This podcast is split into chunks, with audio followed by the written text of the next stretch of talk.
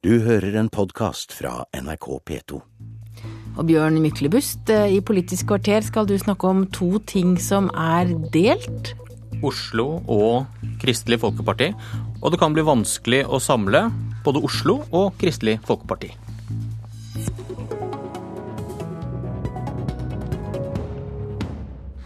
Og først KrF, som alle partier godblunker til, med kanskje ett unntak.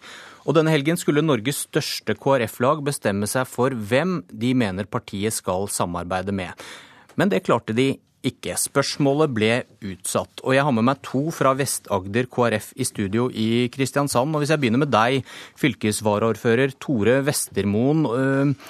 Hvorfor mener du det var dumt å utsette den avgjørelsen? Ja, god morgen. Eh, vårt eh, standpunkt var at en burde unngå veldig lange og slitsomme prosesser i KrF, og fort komme til en konklusjon om at en bør søke et samarbeid på ikke-sosialistisk side for å få gjennomslag for viktige verdisaker. Hvorfor var det viktig? Ja, Det er jo fordi at den erfaringen vi har med den rød-grønne regjering, det er at eh, særlig når det gjelder verdisaker som familie, sorteringssamfunn, retten til liv, eh, så går det egentlig ganske dårlig i Norge. Og vi trenger en regjering som har en mye tydeligere verdiprofil, og den tror vi er på ikke-sosialistisk side. Men hvorfor hastet det, mente du? Det, dette var et fylkesårsmøte i Vest-Agder, som du sa er det største KrF-partiet i landet. Og det er i grunnen siste mulighet før partiet skal konkludere. Så vi mente at den skulle være tydelig og uttale seg nå om dette spørsmålet. Det går ikke an å godblunke til to, da mister man kanskje begge. Og du var med på å stanse et ja til borgerlig samarbeid nå, Tore Askildsen, ordfører i Mandal? Ja, Det viktigste for meg nå var at uh, vi skal ikke trekke konklusjonen uh, på dette akkurat nå. Vi må ta de tingene i riktig rekkefølge. Nå gjelder det først å finne fram til de politiske sakene som er viktige for oss. Og basert på hvilke politiske saker som vi definerer som de viktigste, må vi finne hvem vi kan samarbeide med for å få best mulig gjennomslag for dette. Så jeg er ikke nødvendigvis uenig i det som Tor Vestermoen snakker om kanskje blir konklusjonen. Men vi blir nødt til å ta disse i rett rekkefølge og ikke forhaste oss her. Da vil vi gjøre oss sjøl en bjørnetjeneste. Hva kan, hva kan KrF lære av din kommune, Mandal? Det er først og fremst det å snakke med de aktuelle samarbeidspartnerne og finne ut hvor står vi, og hvilke muligheter har vi for å få gjennomslag for våre saker i forhold til den høyresida eller den venstresida i det politiske landskapet. Og ta det på alvor og virkelig gå inn i de diskusjonene som vi har muligheter til. Det ble sagt noe på lørdag om at dere i Mandal får det beste ut av Arbeiderpartiet? Det har jo litt med vår egen posisjon å gjøre, det at vi fikk ordførersposisjon i denne sammenhengen, og det at eh, Arbeiderpartiet gikk ut og sa at de kristne verdiene som ligger til grunn for vårt arbeid, de skal de ikke utfordre på noen måte i dette samarbeidet. Og Da ser vi at da får vi veldig mye felles med Arbeiderpartiet knytta til det som har med det lokalpolitiske arbeidet å gjøre. Tror ikke du på det gode i Arbeiderpartiet, Vestermoen? Jo, jeg gjør i grunnen det, og jeg har jo egentlig god erfaring med et samarbeid med Arbeiderpartiet lokalt. Men det det handler om nå, det er hvem vi skal et tilfelle regjere sammen med, eller hvilken regjering vi skal støtte. Og regjeringen er de som gir lover, eller foreslår lover og forskrifter. Og det er liksom en helt annen problematikk enn et samarbeid på det lokale plan. I kommunene er det sånn at en får finne samarbeid med de som det er naturlig å samarbeide med etter et valgresultat. Hva tenker du om det, Askildsen? Ja, Det er jeg helt enig i. For lokalt så styrer vi best mulig innenfor de rammene og føringene som Stortinget gir. Og det er Stortinget som gir de føringene føringene, og derfor blir stortingsvalget mye viktigere med tanke på hvilket politisk parti vi samarbeider med. Men vi må ta ting i rett rekkefølge og ikke torpedere den prosessen som landsstyret har lagt opp til, slik at vi da trekker en konklusjon før vi har funnet fram til de viktigste sakene, og hva som skal synliggjøre KrF i tida framover. For der trenger vi å gjøre en skikkelig jobb, så vi finner gode enkeltsaker som er enkle å kommunisere, og som er vanskelig for andre å skyte ned. Mener dere Vest-Agder er et godt uttrykk for at KrF er et parti som syns dette valget er skikkelig vanskelig? Det, det, tror jeg faktisk at uh, Vi gjorde oss noen erfaring ved siste stortingsvalg hvor vi trakk konklusjonen for seint. Og nå er det fare for at vi kan trekke den for tidlig. Og nå må vi bare roe oss ned, tenke gjennom dette og definere veien framover sjøl, og ikke la andre styre hvordan vi skal forholde oss til utfordringer framover. Men må partiet på en eller annen måte leve med to syn på samarbeid, som det kan synes som om dere også har? Ja, Det er klart at eh, det er jo ingen konstellasjon som gir eh, gjennomslag for hele KrFs program. Så det vi nå snakker om, det er hvilke saker er det som er spesielt viktig for KrF, og hvor kan vi, eh, tror vi vi kan få mest mulig gjennomslag for dette. Og Da er det noen av oss som tenker at det er på ikke-sosialistisk side at vi bør søke et sånt samarbeid. Og den erfaringen vi har fra stortingsvalget i 2009, den var at en satt altfor lenge på gjerdet, og våre velgere var forvirret forvirra i forhold til regjeringsalternativet. Og det vi har sett i, særlig i Kristiansand, det er at det var veldig gunstig for kommunevalget i 2011 å si tidlig at en ville søke et samarbeid med høyrepartiene. Ja. Men tror, tror dere det kan bli vanskelig da å samle seg bak det valget som blir tatt i partiet en, en, gang til høsten? Det tror jeg ikke. Jeg tror vi har egentlig en ganske god erfaring for at uh, vi klarer å samle oss. Og nå er det en veldig solid enighet i hele partiet om at en trenger en ny regjering. Så er det bare hvilket gjennomslag en kan få med den ene. Men, men, men da legger man vel lokk på noe, om det er dem som da står i, i Lilletuns sko, eller dem som vil samarbeide med Siv Jensen? Jeg tror det er viktig her at vi erkjenner at vi er et sentrumsparti, og så tar den, det på alvor og ser at da kan vi egentlig samarbeide til begge sider. Eh, og så får vi ta den prosessen som vi trenger framover. Og får vi en god prosess med valg av de politiske sakene her, så tror jeg faktisk vi får et samla parti bak dette. Forhaster vi oss nå, så kan vi oppleve oss å få et splitta parti i prosessen videre framover. Og det er ingen av oss tjent med. Takk til Tore Vestemoen og Tore Askildsen i Kristiansand. Vi skal til en annen by.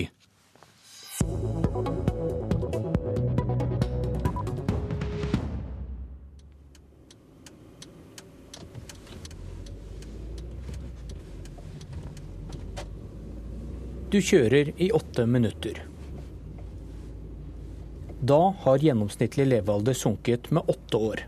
Fra vest til øst i Oslo. Det er umulig å se de store forskjellene gjennom bilvinduet. De har villaer på østkanten også. Hei. Det er jo utrolig mange parametere, da. Nikolai Astrup og Libe Ribe Moen stirrer på hver sin PC-skjerm, og forskjellene blir tydeligere. Skal vi se, hva er skalaen her? Én til fem. Hvor fem er det beste, da? NRKs levekårskart viser hvordan bydelene i Oslo skifter farge når det reiser fra øst til vest. Fargen avslører hvordan det står til med levealder, skoleresultater og inntekt. Og ikke noe annet sted i Norge er forskjellen i levekår større enn i Oslo forskjeller i seg selv kommer det alltid til å være. Nikolai Astrup er nyvalgt leder i Oslo Høyre, som har styrt byen i 31 av de siste 37 årene. Vi må bidra til at de forskjellene ikke er unødig store, og så må vi bidra til at eh, de som trenger vår felles hjelp aller mest, får det. Vi har eh, sett gjennom veldig, veldig mange år at i Oslo har man gjort det for lite. Libe Ribe Moen var Arbeiderpartiets ordførerkandidat ved valget i fjor høst. Resultatet har vi gjennom denne statistikken som eh, vises her. Det er mulig å gjøre mer hvis man har politisk vilje og ønske om å få til noe. Er det viktig å fokusere på at det er forskjeller mellom øst og vest i Oslo? Oslo er én by, men det er store forskjeller mellom bydelene. Det er det ikke noe tvil om. Men det er også store forskjeller internt i bydelene. Jeg tror det er viktig at vi ikke skjærer alle bydelene over én kam, basert på generell statistikk. Eh, det vil være urettferdig overfor de som bor der, og det vil ikke gi et presist bilde av hva utfordringen egentlig består i. Er det derfor dere ikke skriver noe om forskjellene mellom øst og vest i deres partiprogram? Jeg mener det er viktigere å angripe det som er årsaken til problemene, eller det som er si, løsningen på problemene, nemlig eh, at vi må ha flest mulig som er i stand til å lykkes i arbeidslivet. Vi må ha en skole som bidrar til sosial mobilitet, altså som bidrar til å løfte, eh, løfte barn og unge. Noe av grunnen til at statistikken ser ut som den gjør, er jo at vi har sterk vekst i Oslo, og veldig mye av den veksten er eh, innvandrere som har kommet hit i nyere tid. Og eh, De behersker ofte ikke norsk, eh, og de har problemer med å komme seg inn på arbeidsmarkedet, og de møtes litt for ofte med diskriminering i arbeidsmarkedet. Det er utfordringer som vi må gripe fatt i. Og så må vi sørge for å ha en skole som gjør at de barna som kommer inn i skolen, eh, går ut med muligheter til å lykkes. Jeg syns det kommer veldig uklare signaler eh, fra eh, Høyre. gjennom valgkampen så hørte vi jo at det ikke var en aktuell problemstilling, at det ikke var en politisk målsetting å utjevne de store levekårsforskjellene. Vi ble jo også beskyldt for at vi løy når vi trakk fram de faktiske objektive levekårsskillene i denne byen. Så er det klart, ikke sant, Oslo er en flott by. Uh, og det er mer som forener oss enn som skiller oss. Og Høyre blir gjenvalgt gang etter gang. Eh, Høyre eh, ble gjenvalgt nå med hjelp av eh, Venstre, som de jo sitter i byråd sammen med. Jeg tror at det er viktig at vi rydder litt opp i hva vi snakker om når vi snakker om forskjeller. Fordi vi snakker for det første om at vi ønsker en mer variert befolkningssammensetning. At vi ikke ønsker at i en bydel så skal alle ressurssvake barnefamilier bo, mens i en annen bydel skal alle ressurssterke bo. Det blir et dårligere nærmiljø for oss alle. Vi snakker om systematiske forskjeller når det gjelder utdanningsnivå, tilknytning til arbeidslivet. De to komponentene har igjen kjempestor betydning for hvilken helse vi har, og hvorvidt vi er fysisk aktive. Og alt det kan kommunen være med på å bidra til å motvirke. Eller man kan forholde seg passive, slik man i stor grad gjør i dag. Det vi ikke ville være med på i valgkampen, var det Arbeiderpartiet drev med, som var å snakke ned alle som bodde i Groruddalen. Eh, og det mener jeg blir helt feil. Eh, for det første så er det faktisk feil. Eh, Groruddalen er et flott sted å bo. Og, det å skjære alle innbyggere over en kam, det mener jeg blir feil. Det er jo overhodet ikke slik at vi har snakket om at folk i Groruddalen ikke har det bra. Folk trives over hele byen her. Det vi har satt fokus på, er jo at det er kjempeurettferdig at Mari, som kommer fra Søndre Nordstrand, tilfeldigvis da får et dårligere tilbud f.eks. innenfor barnevernet, bare fordi hun bor bor i den bydelen. Sånn kan vi ikke ha det i Oslo. Men det er jo ikke riktig at uh, man får et dårligere tilbud på Søndre Nordstrand enn man gjør i andre deler av byen. Uh, tvert imot så setter vi jo inn ekstra ressurser uh, nettopp i de bydelene der vi vet at vi har utfordringer, bl.a. med å utjevne levekårsforskjeller. Skal vi se, Nå må vi klikke på et eller annet for å få det opp. da. Skal vi se, Hva var det jeg fant? Det, levealder. Forventet levealder. Ikke sant. Um, fra 73 til, til nesten 82. Det er ganske stor forskjell. Det er det, altså. Hva gjør man med forskjellen i levealder mellom bydelene i Oslo? Det, man kan gjøre veldig mange forskjellige ting. Jeg tror vi må starte tidlig. Sørge for at unger er fysisk aktive. Ha en skolehelsetjeneste eh, som eh, fungerer. Vi må sørge for å ha en oppvekstpolitikk som gir alle unge gode muligheter. Vi må ikke minst sørge for en skole som eh, gir god kvalitet og godt tilbud til alle unger i denne byen her. Jeg tror veldig mye dreier seg om, opplysning, dreier seg om opplysningsarbeid. Eh, det er jo sånn at eh, levealder er veldig nært koblet til livsstil. Eh, måten vi lever våre liv på. Det kan være koblet til kosthold. Det kan være koblet til aktivitet. Så jeg tror det er viktig at vi, som i og for seg Libe er inne på, at vi driver et aktivt opplysningsarbeid fra skolealder. Og, og følger opp som best vi kan. Eh, og så er det selvfølgelig slik at eh, hver og en av oss også må ta ansvar for hvordan vi lever våre liv. Du, hvis, du, hvis, du, klikker deg inn på det som heter valgresultat der nederst Høyre er store i størst i vest, Arbeiderpartiet i øst. Men Høyre gjør det godt over hele byen. Og det mener jeg er en refleksjon av at eh, folk er fornøyd med vår politikk. Eh, og at vi har fått til resultater over hele byen. Folk ser at kollektivtransporten er bedre, folk ser at skolen er bedre. Eh, folk ser at vi setter inn ressursene der de trengs mest. Lager man politikk ut fra hvor velgerne sine bor? Man lager politikk ut fra hva man mener er riktig for eh, byen, først og fremst. Men er det et like stort insentiv for Arbeiderpartiet å satse på idrettsanlegg på Oslo vest, når man ser hvor dere velger hen?